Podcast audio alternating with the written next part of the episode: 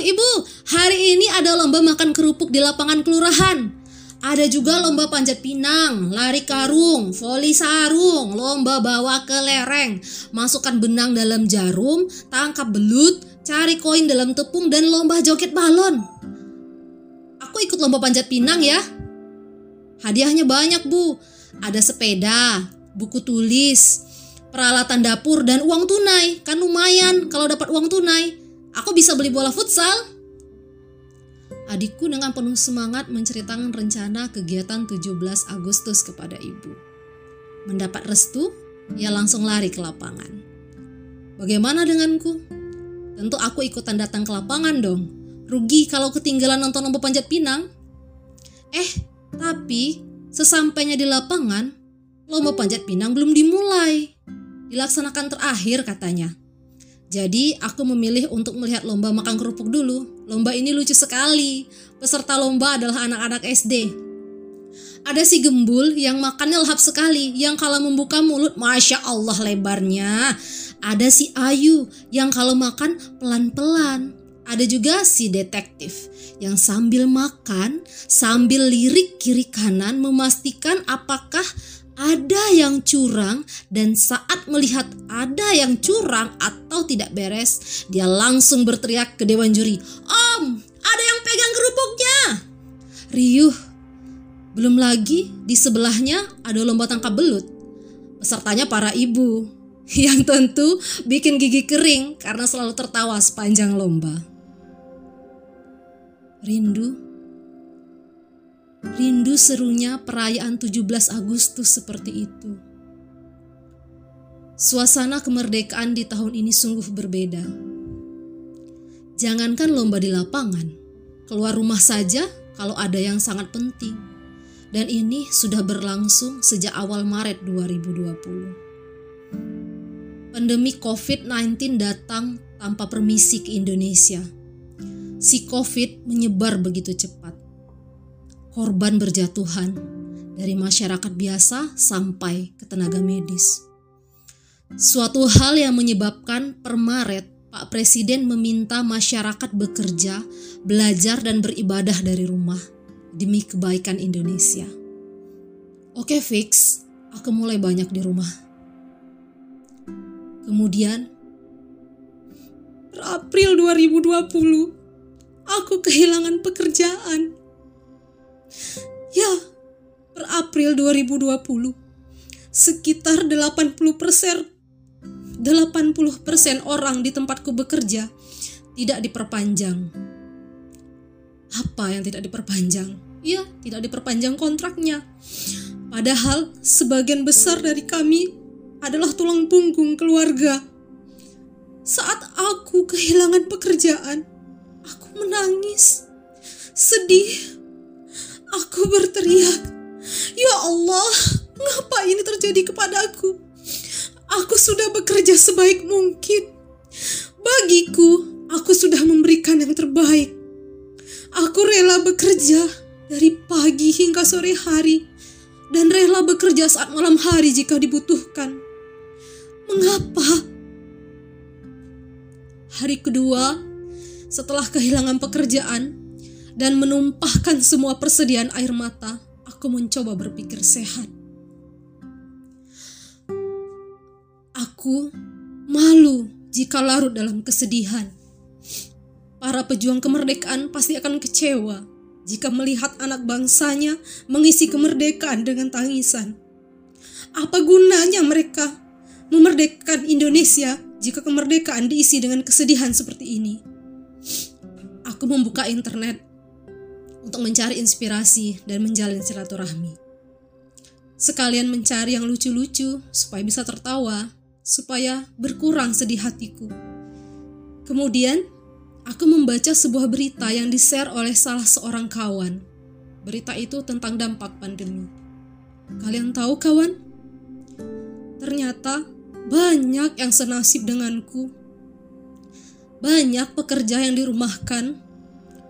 Ya Allah, Ternyata sampai sejauh ini pengaruh pandemi ini berat untuk pekerja yang dirumahkan, tetapi juga berat untuk perusahaan yang merumahkan mereka perusahaan juga tentu tidak punya pilihan lain. Harus ada yang aku lakukan. Baiklah, aku memutuskan untuk fokus dengan dunia internet. Aku mulai sering menulis di blog, lebih aktif di sosial media, dan berkebun di rumah. Aku menanam aneka sayur, aneka sayur cepat panen dan bunga, agar tidak bosan mata ini seharian melihat laptop. Sayuran dari hasil kebun juga lumayan untuk mencukupi kebutuhan sayur di rumah. Dan tentu aku tak lupa mendokumentasikan setiap kegiatanku di kebun. Untuk kenang-kenangan, lagian sayuran-sayuran itu dan bunga-bunga yang bermekaran ternyata mampu menghapus rasa sedih hatiku. Aku juga senang saat melihat mereka mulai tumbuh dengan baik. Oh iya, aku mulai mengaktifkan lagi channel YouTubeku. Aku mulai upload tentang tanaman. Aku memang suka dengan tanaman dari kecil. Karena kesibukan, kesenangan ini terlupakan. Setelah upload, biasanya aku share di media sosial untuk berbagi cerita. Ternyata banyak juga loh yang suka menanam. Apalagi semenjak di rumah saja, Teman-teman banyak yang menanam bunga-bunga dan sayur-sayuran. Banyak tanggapan positif terhadap kegiatanku di rumah. Alhamdulillah. Dan kalian tahu, orderan mulai datang. Ya, orderan tanaman. Awalnya pesanan mulai dari satu pot sayur, akhirnya sampai ratusan pot sayur. Ada juga yang mulai tanya-tanya tentang bibit berbentuk biji. Ada juga yang mulai tanya-tanya tentang bibit bunga. Dan ada juga yang mulai DM di Instagram tentang daun mint. Alhamdulillah, sungguh Allah Maha Pemberi rezeki. Aku benar-benar tidak berpikir untuk menjual bibit sayur ataupun bunga sebelumnya. Sekarang, jika pesanan bibit banyak, kami juga membeli bibit dari petani lain untuk mencukupi pesanan. Karena kadang persediaan di rumah tidak cukup ternyata. Apa kabarnya ya yang senasib denganku kemarin? Aku mencoba mencari tahu tentang kabar mereka. Masya Allah, ternyata sekarang ada yang berjualan masker, ada juga yang menjual lauk pauk, ada yang menjual bubur, ada yang menjual kue keliling, ada yang menjadi petani, ada juga yang menjual pendap. Iya, makanan para raja di zaman dahulu kala di Bengkulu. Dan bahkan aku melihat akhirnya ada yang melirik bisnis ekspor. Betul juga dalam hatiku. Indonesia punya banyak sekali hasil bumi. Ekspor akan sangat membantu. Kemarin aku melihat seorang teman menanyakan arang bakar. Katanya ada pesanan dari luar negeri sebanyak 300 ton. Masya Allah, aku ikut bahagia membacanya. Semoga Allah memudahkan usaha kalian ya kawan. Aku juga melihat pemerintah menggalakkan beragam pelatihan. Mulai dari pelatihan menjahit, pelatihan memasak. Oh ya, ada juga program prakerja ya Lalu aku melihat ada bantuan tunai, uang tunai untuk orang-orang yang membutuhkan. Ada juga pembagian sembako untuk masyarakat. Hal ini terasa sangat membantu. Indonesia, ya, memang begitulah seharusnya. Masyarakat dan pemerintah bekerja sama untuk mengisi kemerdekaan sebaik mungkin.